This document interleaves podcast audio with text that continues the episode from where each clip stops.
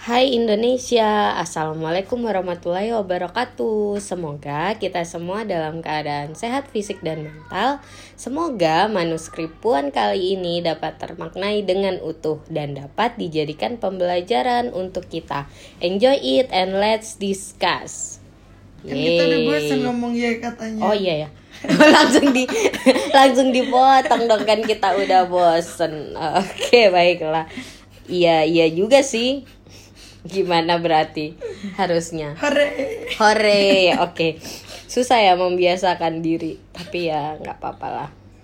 Nah jadi kita akan melanjutkan sesi kemarin masih tentang Freud dan masih dengan dinamika kepribadiannya. Ya. Hmm, oke. Ada yang berbeda tapi? Apa itu? Real. Hari Ah, ini betul. saya melihat wajah Nuzul di depan saya. Betul betul Oke. Setelah sekian lama ya kita nggak ngobrol langsung. langsung Hmm. gitu Jadi tuh ada kendala-kendalanya Zul. Apa itu? Hmm, jadi waktu nggak langsung itu ya mulai dari ada beberapa part yang kepotong. Untungnya pendengar setia kita tidak protes Iya. atau nggak Nggak dengar. dengar sampai situ Oke lah, semoga aja pede kita ini. bagian ini tuh nggak ada terinterupsi sama telepon. Amin Oke, nah baiklah. Jadi eh, materi kita lumayan banyak, walaupun eh, secara poin-poin itu tidak banyak. Ada tiga, tiga poin. Yang pertama itu kita ngomong tentang kecemasan. Betul Jadi A- apa tuh kaitannya sama dinamika kepribadian? Oke jadi Oke. Sebenarnya kalau untuk di bab dinamika kepribadian, kecemasan Mhm. ini eh, ini Kak, dia menjadi salah satu bagian dari kekhawatiran. bukan itu kan pengertian. Oh iya itu pengertian. Iya. Oke oke.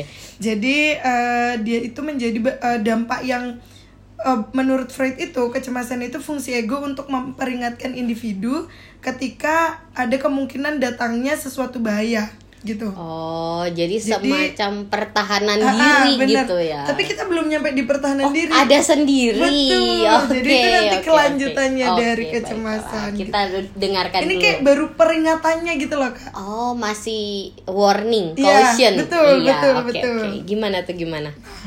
Jadi kalau misalnya kita mengacu dari pengertian kecemasan itu sendiri, Mm-mm. secara KBBI itu kan adalah risau hati, Mm-mm. khawatir, takut atau gelisah. Mm-mm. Nah, yang mana kadang tuh banyak orang-orang yang agak salah kaprah nih kak terkait kecemasan. Oh. Jadi kadang tuh orang-orang tuh banyak yang menganggap sesimpel kecemasan itu sudah langsung jelas-jelas eh, dianggap gangguan. Hmm, iya, karena iya, iya. karena sekarang kan kayak lagi in tuh kayak anxiety disorder gitu-gitu. Hmm. Nah, jadi di situ mungkin ada miss ya, ada mispersepsi terkait pengertian kecemasan itu sendiri. Padahal nggak semua anxiety itu disorder. Oke. Karena sebenarnya kecemasan itu adalah respon. Oh, itu masuk kategori respon. Berarti sama kayak grief ya, kayak Ya, kedukaan. betul, Oke. betul, betul. Jadi Ah. sebenarnya kecemasan ini adalah respon ketika seseorang itu berada dalam keadaan yang tidak nyaman gitu. Ini. Oke, oke. Oh iya. Jadi ketika seseorang itu eh, kan pasti dia ada di satu lingkungan yang mana tidak semua lingkungan itu menyamankan dia gitu. Pasti ada sisi Iya. nyaman dan tidak nyamannya. Oke. Sisi aman dan tidak aman gitu. Selain aman dan tidak nyam- nyaman dan tidak nyaman ada aman dan tidak aman. Nah, ketika dia ini merasa tidak aman, maka salah satu yang muncul itu adalah kecemasan itu tadi. Respon yang muncul itu adalah kecemasan itu tadi. Nah, terus kalau kata Freud, eh, kecemasan pertama kali muncul atau sumber pertama kecemasan seseorang itu adalah waktu seorang bayi dilahirkan dari ibunya. Malah nggak aman. Atau karena itu ada nangis Nah, itu. itu. Oke. Dia nangis karena dia merasa dia sudah keluar nih dari tempatnya gitu dan ini disebut sama uh, primary anxiety gitu Oke, jadi kayak atau kecemasan, awal. kecemasan primer gitu Primer. Ah, ah, benar nah karena di situ bayi benar-benar tidak mempunyai kemampuan untuk mengontrol dunia barunya gitu jadi Hmm. di situ makanya kan respon yang muncul pertama dia nangis karena dia merasa tidak aman. Sedangkan ketika dia di dalam dia merasa aman ada ada pelindung dan lain sebagainya. Itu merupakan salah satu kecemasan yang mun- muncul pertama kali gitu. Oke. nah terus Terus? Selain itu, eh di sini itu juga dijelasin kalau kecemasan itu ada tiga jenis. Oke, ini ini tadi perkara kecemasan primer itu sudah primer aja. Sudah gitu, primer Oh, aja nggak ada, ada second, oh. eh, terus ketiga gitu itu nggak ada. Jadi cuman sampai di primer aja gitu, karena kayak nggak tuntas gitu ya. nggak karena menurut Freud itu kayak penyebab dari macam-macam kecemasan itu itu Oh, salah- awal mulanya Nah, kecemasan betul. itu ya terbentuknya ya di situ Hmm, gitu. I see, I see. Jadi nggak ada satupun manusia yang nggak merasa cemas, cemas. iya. Berarti saya highlight cemas itu normal. Normal Oke, memang, normal. Oke. Cuman tergantung kan, tergantung tingkatan-tingkatannya karena itu tadi respon. Iya. Dan respon itu kan Normal. hal yang wajar gitu. mm, Tuh, jadi eh, jadi sebenarnya itu poinnya gitu. Makanya sekarang kita langsung ke macam-macam kecemasan itu tadi gitu. Kecemasan ada macam-macamnya. Tiga ya, ya, tiga. betul. Eh, apa tuh? Tiga, yang pertama adalah kecemasan Yang pertama. Hmm. Ancen. Ancen kok Saiful Jamil memang. Enggak, Alifah Nabila. Jadi yang pertama itu ada kecemasan realistis, yang kedua ada neurotik kecem- eh, kecemasan neurotik dan yang ketiga ada kecemasan moral. Oke, apa aja tuh penjelasannya? Oke. Kalau misal kalau misalnya kalau kecemasan realistik ini adalah kecemasan yang mana ketika seseorang itu dihadapkan pada bahaya, Kak. Oke. Dan bahaya itu nyata gitu. Oke, bahaya yang nyata kayak hampir ketabrak. Nah, Hmm. betul.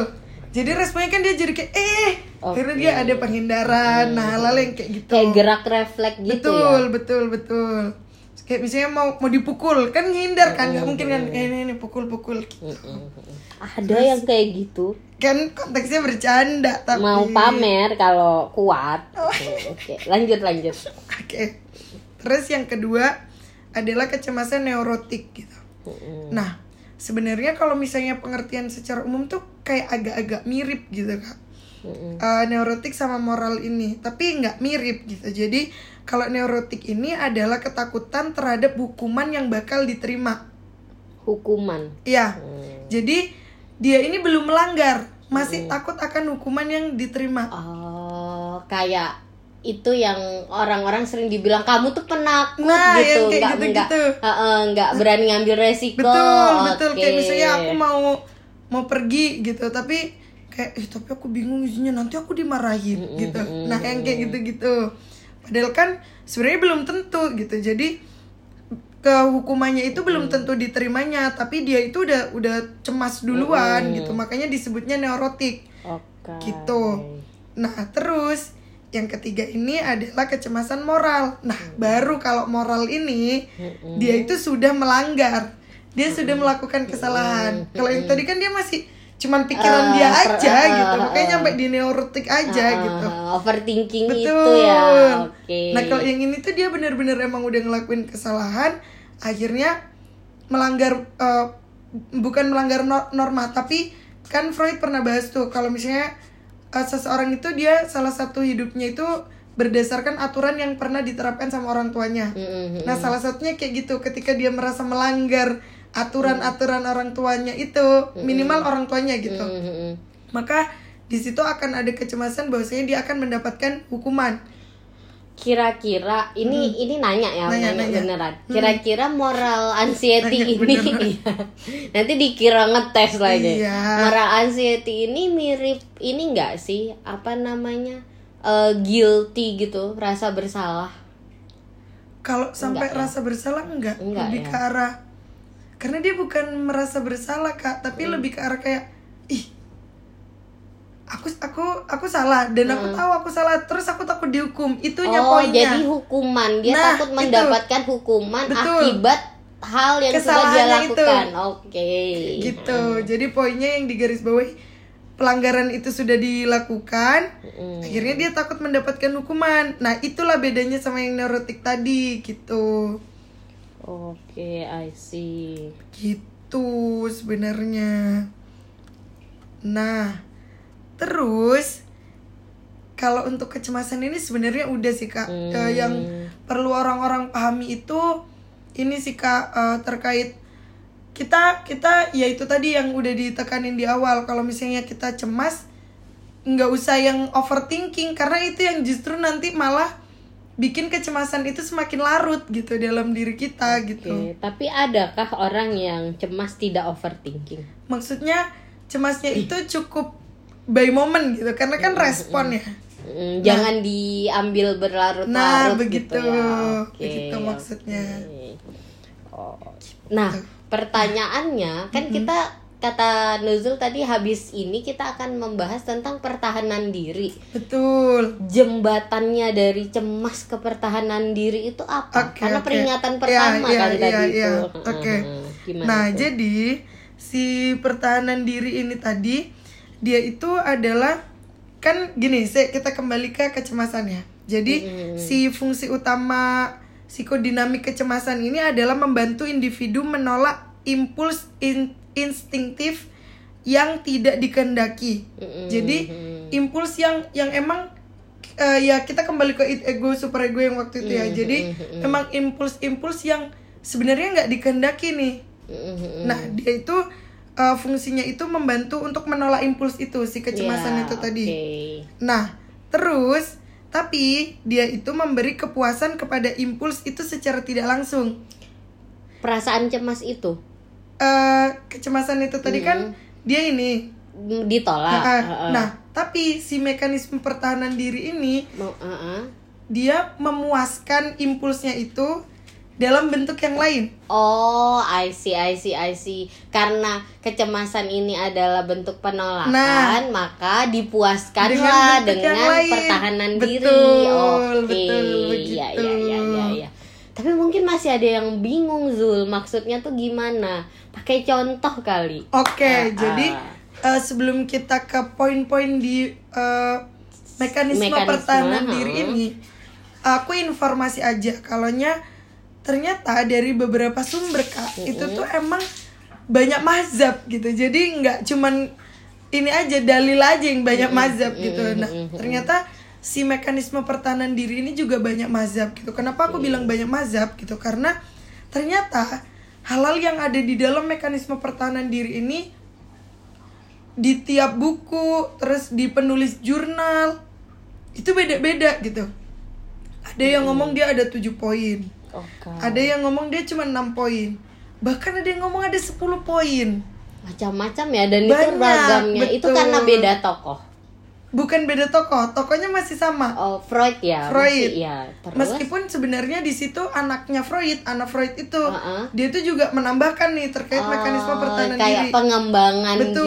gitu ya. Tapi ini Oke. masih Eh, tapi mereka semua tetap acuannya si Freud ini. Nah, cuman kalau spekulasiku ya kenapa di situ jadi banyak jadi kayak ada ada yang cuman tujuh, ada yang ini karena mungkin ini sih Kak, ada beberapa yang diambil yang relatable aja gitu. Oh, jadi kalau jurnal itu kebutuhan dia Betul. tentang apa sih Nah, bahasnya? kayak Oh, gitu I see, I gitu. see. Jadi eh, tapi karena kita sekarang sedang membahas buku eh, Freud dan acuan utama yang kugunakan adalah buku Alwisol. Jadi kita bahas yang tujuh tapi banyak lagi poin di dalamnya gitu. Oh, tujuh dan beranak pinak. Betul. Oke, baiklah. Karena kalau yang 10 itu ada yang anak-anak yang ada di dalam tujuh poin itu dijadikan poin tersendiri gitu. Oh, I see, I see, I see. Gitu poinnya. Mm, mm, boleh, boleh. Nah, jadi uh, sebelum kita ke ini sih ke ini dulu ke apa namanya ke macam-macam mekanisme pertahanan diri dulu. Kita ke fungsi dari eh, ini. Jadi mekanisme pertahanan diri ini Kak Oh tadi udah fungsinya kan kak. fungsi apa fungsi mekanisme, mekanisme iya kan pertahanan untuk diri, oke. uh, memuaskan itu Maksudku ciri berarti. ciri oke ada cirinya tuh Betul. Jadi Hmm. meskipun mekanisme pertahanan diri ini banyak kayak yang tadi udah aku sebutin, sebenarnya mereka ini tetap punya tiga ciri utama.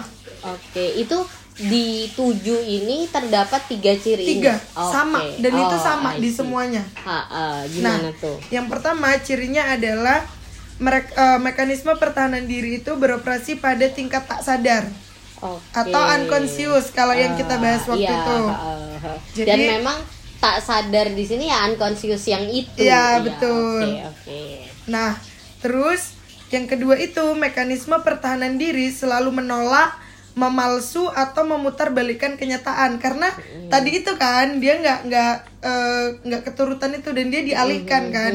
Jadi makanya muncullah itu tadi menolak, memalsu atau memutarbalikkan kenyataan.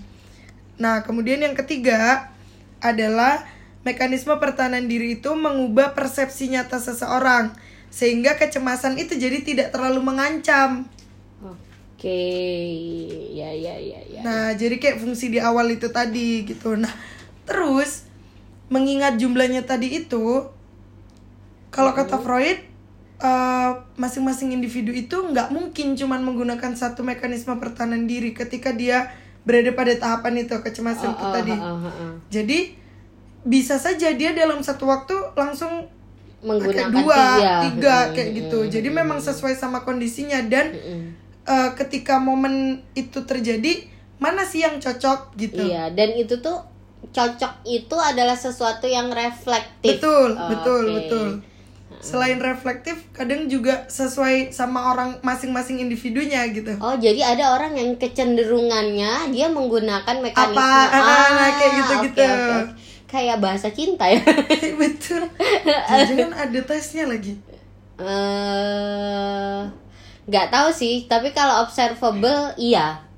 Kok aku jadi tahu? Oh. Nggak sebenarnya eh, dari dulu saya sadarnya gitu sih. Aku tuh ngerti mekanisme pertahanan diri itu kan sangat observable ya. hmm. Eh, tapi eh, yang aku tahu kalau kita pakai TAT, Mm-mm. kalau ngetes pakai TAT Hmm. itu kita kan tahu sumber need ya, sumber cemas Hmm, seseorang apa. Di situ kita tahu posisi cerita dia itu dia pakai mekanisme yang mana Oh, gitu. gitu. Walaupun tidak tidak tahu I see, I see. eh, apakah itu kecenderungan apa enggak, tapi oh dia need-nya ini, tapi dia menggunakan eh, mekanisme ini Eh, eh, itu eh. tuh terbaca lewat TAT Oh, gitu. Keren. TAT itu tes apperception eh te- tematik apperception test sorry sorry itu salah satu tes Tes proyektif. kepribadian ya tes proyektif oke lanjut lanjut Gitu. ya Nah, eh cirinya ya. sudah Jadi kalau cirinya sudah. Mm, oke Nah, karena mekanisme pertahanan diri sangat banyak, saya ulangi lagi. Jadi kita nggak bahas semuanya sekarang. oh ndak dibahas semua Enggak. oh Karena kan tadi ku bilang ada anak-anaknya tuh kak di dalamnya. benar. iya iya Jadi takutnya kan kebanyakan gitu, terus nanti pendengar jadi bosan gitu. benar dan waktunya mungkin juga kelewat Kayaknya enggak sih sebenarnya kalau waktunya, cuman kayak ketimbang eh Bosen ya. Betul, betul. Jadi yaudah yang pas-pas aja lah. Ah, ah. jadi ini tuh dari berapa tadi 10 Tujuh. 7 dari 7 kita Bahas tiga dulu. Oh tiga dulu Kirain tuh kita nggak Iya. bakal bahas yang lain Jadi saya mau nanya Ini dipilihnya berdasarkan apa tadi Mas? Oh. Oh ternyata Tiga dulu Kayak to be continue gitu nggak sih? Iya dong, biar Oke. mereka tetap stay in Nah, gitu. minimal kalau denger yang ini bakal denger yang berikutnya Iya. atau kalau denger yang berikutnya bakalan ada jadi tiga sebelumnya. iya gitu. jadi balik lagi ya sudah pintar strategi marketing Oke, lanjut lanjut. Apa aja tuh tiganya? Oke, jadi yang pertama di sini adalah identifikasi. identifikasi. Nah, oke. kalau dari pengertiannya itu identifikasi itu adalah eh, dia ini mereduksi tegangan tadi yang di kecemasan itu tadi dengan cara meniru atau apa sih bahasa lainnya meniru meniru mengin mengin mengin Menginti, intimasi mengimitasi. Ya, mengimitasi. Oke. sampai lupa Kalau intimidasi lain. mengintima I- imitasi imitasi, mengimitasi orang lain gitu. Modeling aja gitu loh, Ya, biar betul. kekinian. Betul, modeling, Oke. modeling. Dia Ha-ha. sejenis modeling gitu. Nah, Ha-ha. terus untuk siapa-siapanya yang di modeling itu sebenarnya nggak ada saklek siapa Ah, gitu. ah, ah. Karena bisa jadi orang tua, bisa jadi tokoh atau idola yang dia suka. Nah, tapi eh, pokoknya halal yang dia tirukan itu adalah halal yang mana itu bisa bikin eh, dia itu mencapai tujuannya tadi. Contoh. Oke. Ah. Jadi kalau misalnya contohnya itu di sini itu gini, misalnya misalnya dia ini nggak suka gitu kalau misalnya dia itu dimarahin gitu sama orang tuanya. Dia nggak suka cara orang tuanya marahin. Nah, mm-mm. dia akhirnya- marahin balik. Enggak. Oh, enggak. Akhirnya ketika misalnya orang tuanya itu melakukan kesalahan secara tidak langsung dia tuh mengidentifikasi cara orang tuanya marah gitu. Dan dia menerapkan itu gitu loh, Kak. Se- gimana sih? Masih bingung? Oke, Oke. gini. Ah. dia kan dia kan nggak suka ya Heeh, dengan heeh. cara orang tuanya marah. Heeh. Akhirnya kan ada yang nggak terpenuhi kan Iya, di sini. heeh, Dia kesel heeh, karena nggak bisa membalas gitu, Heeh, heeh. secara langsung gitu. Iya. heeh. Nah, akhirnya di situ dia mengidentifikasi atau meniru. Iya. Dia meniru cara orang tuanya marah. Jadi ketika ada orang lain yang bikin dia marah, Nah, oh, gitu. I see, I dia see, kan I misalnya contoh terdekatnya adiknya gitu. Heeh. Nah, kan satu lingkup kan. Heeh, Akhirnya dia memarahi adiknya dengan cara orang tuanya marah ke dia. Oke, kayak misalnya kalau dia melakukan kesalahan, orang tuanya langsung misuhi dia Ah, gitu. misalnya kayak gitu. dia Nah, akhirnya juga akan adiknya begitu. langsung kayak gitu ke adiknya Oke. gitu. Itu salah itu yang dibilang buah jatuh nggak jauh dari pohonnya ya. Betul. Sebenarnya itu adalah bentuk identifikasi. Betul, betul, betul, Oke. betul, betul. Oke, oke, oke. Nah, begitu. Nah, terus biasanya si Mhm. identifikasi ini dipakai di uh, tiga tujuan. Mm-mm, ada tiga tujuannya. Ya, tujuannya. Jadi yang pertama itu cara seseorang mendapatkan kembali sesuatu yang telah hilang. Oke. Nah, jadi kalau misalnya contoh contoh dia itu mendapatkan sesuatu yang telah hilang itu sama kayak yang tadi tuh Kak. Jadi ketika dia tuh merasa ditolak sama orang tuanya, dia akan ya itu meniru orang tuanya Hmm, secara hmm, utuh itu hmm, tadi kayak gitu. Nah, terus kemudian yang kedua itu untuk mengatasi rasa takut. Jadi kayak misalnya eh anak-anak itu akan mengidentifikasi larangan-larangan orang tuanya agar terhindar dari hukuman. Yang kayak gitu. Oke. Terus yang ketiga adalah memperoleh informasi baru dengan mencocokkan hayalan dengan kenyataan. Jadi kalau yang Hmm. ini contohnya kayak yang biasa Kak Iva contohkan itu si artis Korea. Oh, iya iya Jadi iya. karena dia tidak mungkin kan bertemu dengan Mhm. mereka gitu. Akhirnya dia mengidentifikasi misalnya dari gayanya kayak supaya dia Hmm. tuh merasa Ih, aku nih mirip nih sama mereka gitu. Gitu. Jadi ada hal yang tercapai gitu Iya. meskipun tidak pada objek nyatanya gitu. itu tuh sebenarnya ada beberapa penelitian Zul yang Hmm. yang seperti itu cuman eh sejauh ini mungkin karena penelitian S1 ya aku ada dua anak bimbingan yang Hmm. membahas tentang eh, mengidentifikasi eh, bukan apa namanya kayak eh, ngefans ngefans Hmm, banget gitu sama artis Korea. Istilahnya itu parasosial.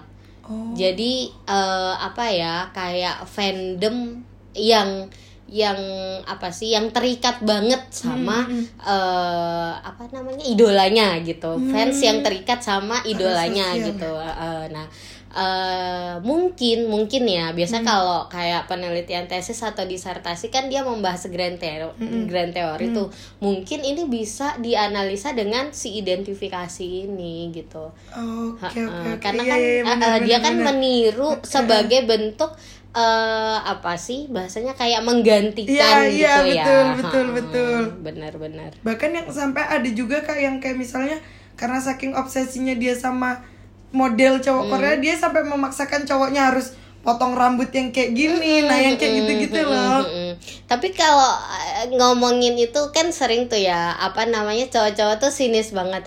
Ya gimana cewek-cewek ini mau dapat pacar orang dia eh, Seleranya. ah, seleranya eh, ki drama, K-pop gitu-gitu. Tapi kalau cowok-cowok kan banyak tuh yang suka nonton film Korea ya. Sebenarnya bukan lebih ke memang sih penampilannya tinggi, cakep, putih gitu-gitu. Bukan itu poinnya gitu. eh bagaimana mereka mentreat Treat. pasangannya itu loh gitu. Nah, manis iya. gitu kan. heeh. oke oke oke oke begitu jadi kalau untuk identifikasi. Oke, oke. nah kayak yang kedua Mm-mm.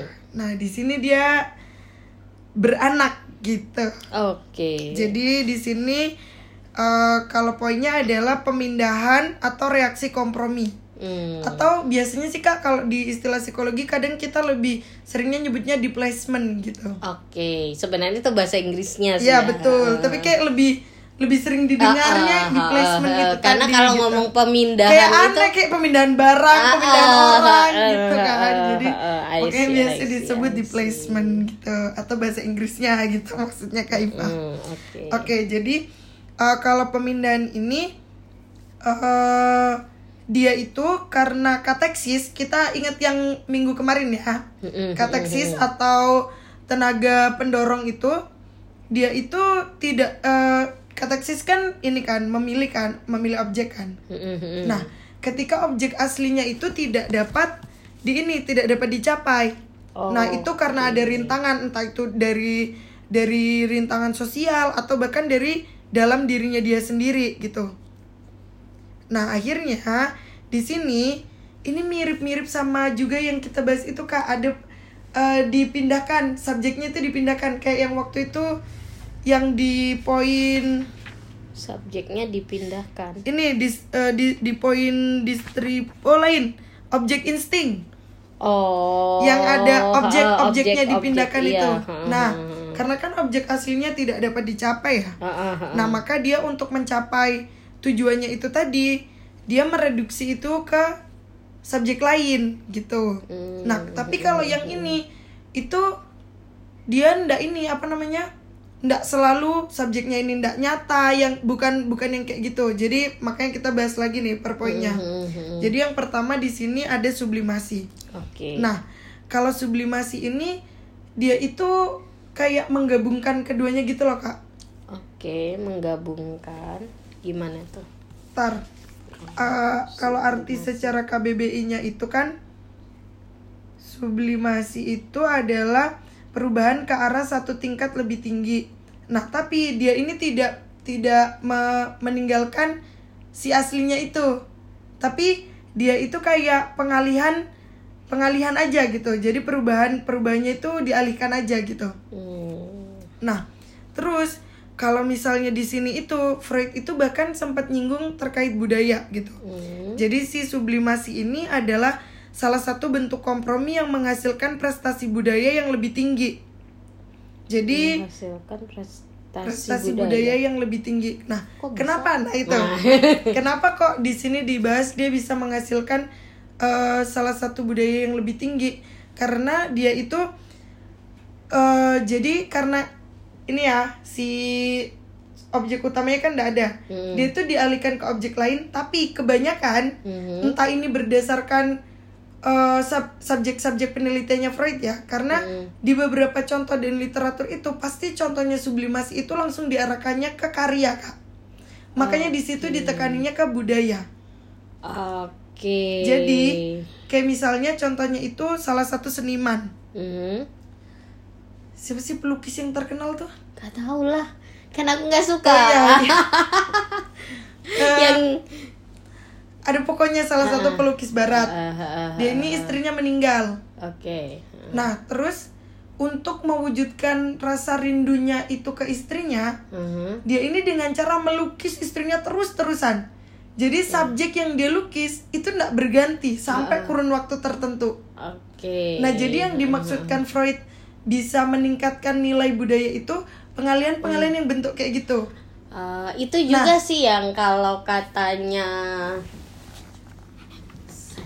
lagi namanya kalau katanya Profesor Faiz Mm-mm. filsafatnya UIN Jogja Mm-mm. nah, itu tuh patah hati menghasilkan karya Nah, gitu sejalan Ha, berarti. iya. dia displacement kan Mm-mm. karena eh tapi sebenarnya nggak hanya patah hati sih orang jatuh cinta Benar, jadi benar, jago benar, berpuisi benar. kan Nah, tapi kan orang jatuh cinta juga muncul kecemasan tuh. Ah, Kayak ah, cemas karena- ditinggalkan. Iya, karena cemas- sesuatu yang tidak didapatkan akhirnya diganti dengan oke, betul, I see, betul, I see, I betul, see. begitu. Baiklah, berarti hal-hal yang itu tuh adalah bentuk-bentuk mekanisme rupanya, Betul, mekanisme pertahanan pertahanan. diri gitu. Oke, terus Terus yang berikutnya, yang kedua Hmm. adalah substitusi gitu. tahu nggak itu tuh kayak nama penjelasan di Sus- aljabar. Substitusi itu kan pengganti, memang artinya pengganti. Serius nih, serius. Jadi di matematika substitusi itu mengganti elemen itu tuh kalau ada 3x ditambah yang gitu-gitu. X-nya apa gitu. Betul. Diganti apa? Itu substitusi. Hmm, tapi aku tadi kepikirnya sosiologi bukan aljabar Oh, Oke, gitu. I- mungkin karena Anda IPS, saya IPA ya. Oke, lanjut. Langsung agak ada tekanan gitu Ah, ah, ketika ah. mendengar kata aljabar. Oke, oke. Nah, itu tadi sudah dijelaskan Ah, dengan ah. Kak Iva artinya Ah, ah. pemindahan gitu kan. Ah, ah, ah. Nah, jadi sama sama halnya dengan substitusi substitusi di Hmm. sini gitu. Mm-mm. Nah, jadi yang mana dia itu adanya pemindahan kepuasan gitu. Nah, Mm-mm. contohnya itu adalah misalnya nih eh eh, karena si Freud ini juga eh, kayak yang di awal itu penekanannya adalah seksual ya kepuasan seksual jadi di beberapa contoh ini juga contohnya seksual sensual gitu Mm-mm. jadi ketika seseorang remaja itu dia di tahapan yang rasa ingin tahunya terhadap seks kan tinggi ya Mm-mm. nah tapi secara moral secara super ego itu ditentang gitu kan Mm-mm. akhirnya salah satu cara pemuasannya adalah dengan cara nonton bokep Oke. dengan cara baca-baca novel-novel 18 plus nah Oke. hal yang kayak gitu sih kalau contohnya sublimasi ini jadi pengalihannya Substitusi maksudnya. substitusi Oke, ya substitusi. mohon maaf Mm. maksudnya substitusi Mm, begitu nah Oke, oke. terus kalau kompensasi kalau tadi kan pemindahan ya kalau substitusi pemindahan nah kalau misalnya si kompensasi ini adalah mengganti gitu Mm-mm. jadi dia itu mengganti insting yang harus dipuaskan gitu karena dia itu gagal untuk memuaskan insting yang utama itu tadi Oke. Nah. akhirnya contohnya itu gini misalnya dalam satu kelas itu ada salah satu ini uh, anak yang cacat secara fisik gitu kan Mm-mm. nah akhirnya dia ini kayak diledek-ledek gitu kan kayak. Ih, anak itu aneh gini, nggak ada ini tak nggak ada kakinya gitu. Nah akhirnya karena dia itu nggak bisa nggak bisa kan, meskipun dia mau nggak nggak mungkin kan dia balikin kaki sama tangannya kan nggak mungkin. Mm-mm. Akhirnya dia kompensasi tuh dia menggantikan si instingnya itu dengan cara pemuasannya kayak gini. Akhirnya dia belajar tuh belajar dia dengan tekun supaya apa? Supaya dia bisa jadi juara kelas dan mengalahkan semua teman-temannya itu gitu. Akhirnya kan ada kepuasan insting yang lain gitu. Hmm, jadi eh, kalau di bagian penampilan saya nggak bisa, sempurna gitu. gitu, Ah. tapi saya tuh pintar aja loh gitu. kayak Oke gitu, oke. gitu poinnya kalau Ah, si kompensasi ini gitu. Intinya semuanya itu berubah ya, entah itu sublimasi, substitusi maupun kompensasi Hmm. itu merubah eh, hal-hal yang membuat cemas itu Dalam bentuk kemudian iya Mm-mm. di, di dialihkan ke hal-hal yang lain Mm, gitu. Dan itu nggak mesti positif sih. Iya. Bisa jadi juga negatif, In case yang gitu. kita kasih contoh kan itu positif ya. Benar benar benar. Itu itu nggak sih perkara di displacement ini nggak sih yang orang-orang itu sering kali kayak eh disebutkan apa namanya? Nggak pernah selesai sama dirinya sendiri gitu. Bisa jadi Ya, eh, karena- karena insting iya. utama itu Ah, ah, tidak, terpenuhi. iya tidak Betul, terpenuhi betul, betul, jadi betul. akhirnya eh, ih gila dia udah pinter, udah kaya gitu tapi masih murem aja. Karena sebenarnya ternyata kesuksesan yang achievement ini adalah bentuk displacement, Displacement, gitu. betul, betul, betul. Makanya akhirnya dia dia dia kaya, dia sukses, dia pinter, dia cakep gitu. Tapi ternyata keluarganya tuh nggak nggak apa misal broken home gitu maka betul, akhirnya betul, dia betul. jadi displacement itu dengan tadi. cara yang lain dengan cara menjadi kaya dan menunjukkan ke orang lain jadi sebenarnya orang-orang yang kurang kasih sayang yang istilahnya broken home Hmm. itu itu tuh seben kan tidak melulu harus displacementnya ke minum minuman keras Nah, ke narkoboy betul, dan lain betul. sebagainya ya. Betul. Bisa displacement dengan cara berprestasi, ya. Berprestasi, Ha-ha. betul. gitu pendengar. Oke. Ini sekalian ada kesan-kesan Ah, sudah ini. ah, pesan-pesan Iya. moral. Ya betul. Sok bermoral. Gitu. Oke. Terus Terus. sudah tentang displacement Sudah, sudah. oke ada yang terakhir nih ya berarti kedua baru Hah? iya Oh iya, iya ter- terakhir ketiga. nah sekarang yang ketiga terakhir yang kita bahas di sekarang Di gitu hari ini. maksudnya, iya. Ah, oke. agak kaget tadi kan oke lanjut lanjut Oke. apa tuh yang ketiga di sini ada represi oke gitu Nah, represi kalau represi kayak ini kayak yang kita bahas waktu itu ya. Jadi sebenarnya untuk represi ini adalah penekanan gitu. Mm-mm. Penekanan yang mana eh jadi kayak misalnya ketika ada ide atau insting atau pikiran atau ingatan itu tuh yang dapat menimbulkan kecemasan maka sama si antikateksis itu ditekan gitu kan kak. Hmm.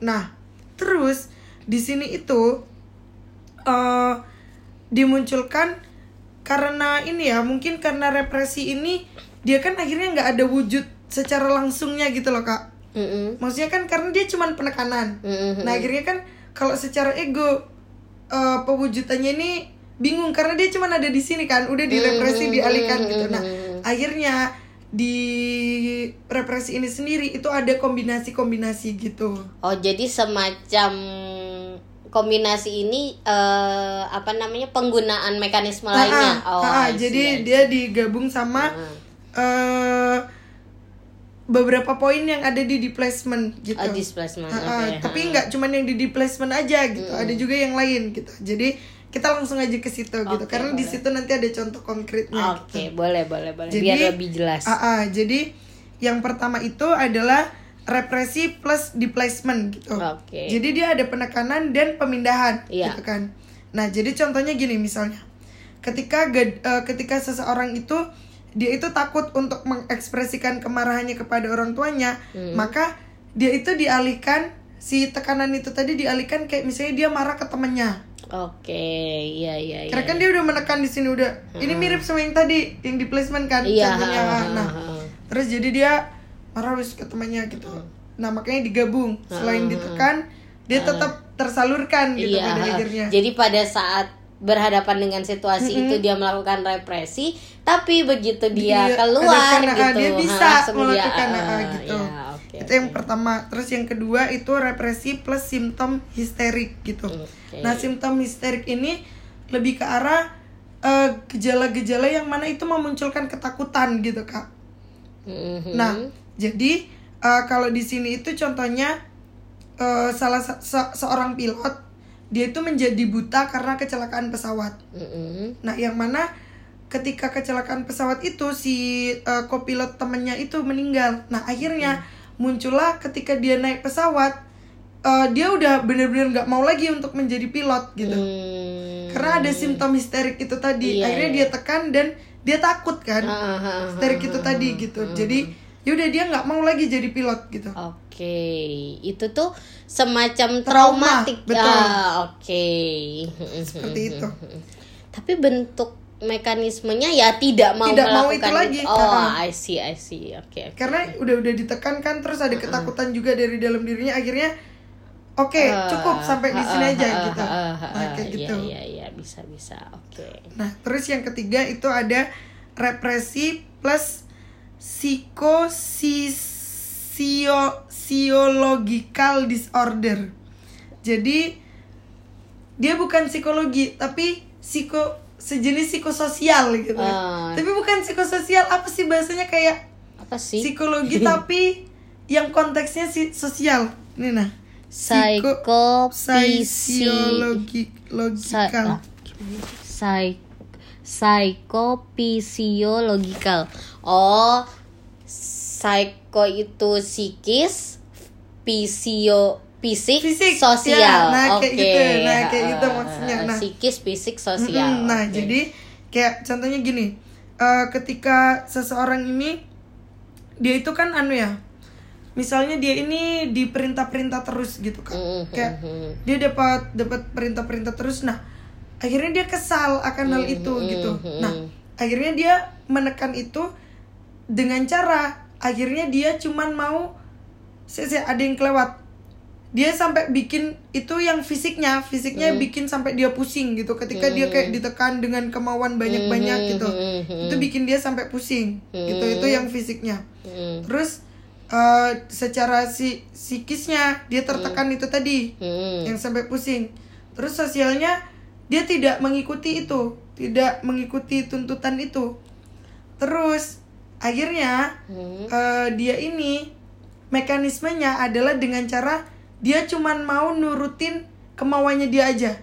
Dia nggak mau dengerin tuh yang orang-orang itu tadi. Mm, Itu yang disebut pembangkangan. oh ya Nah. betul betul betul. Nah kayak gitu. Nah jadi secara tidak langsung dia juga eh, karena kalau misalnya dia nurutin itu kan bikin dia pusing Mm-mm. secara fisiknya terus dia jadi Mm, jadi tertekan. iya nggak enak hati lah ya. ya jadi ya udah akhirnya dia aku cuman mau nurutin kemauanku aja akhirnya membangkang dan itu kan juga melanggar moral kan. Ah, kalau yang dinormalisasi di Indonesia gitu kan. Ah, ah, ah. nah kayak gitu. Terus eh, kalau yang si yang keempat ya berarti itu ada empat itu represi plus fobia gitu Fobia, oke. Nah, ini sebenarnya agak jatuhnya agak mirip sama yang simptom histerik tadi, Mhm. tapi agak aja. Jadi contohnya di sini adalah eh ketika misalnya nih aku aku waktu kecil itu ini apa? Contohnya aku aja wis ya. Ini beneran aku gitu. Jadi Iya, misalnya iya. waktu waktu kecil aku punya pengalaman buruk ketika mendengar suara tembakan gitu kan. Mhm. Nah, akhirnya eh ketika aku besar, aku trauma dengan suara-suara yang mirip dengan tembakan gitu. Oke. Dan akhirnya ketika ada hal-hal yang kayak gitu, aku menghindar dari itu. Nah, hal-hal yang kayak gitu. Dan itu dipukul rata ke semua suara-suara yang mirip tembakan. Hmm. Nggak cuman suara tembakan aja gitu. Iya.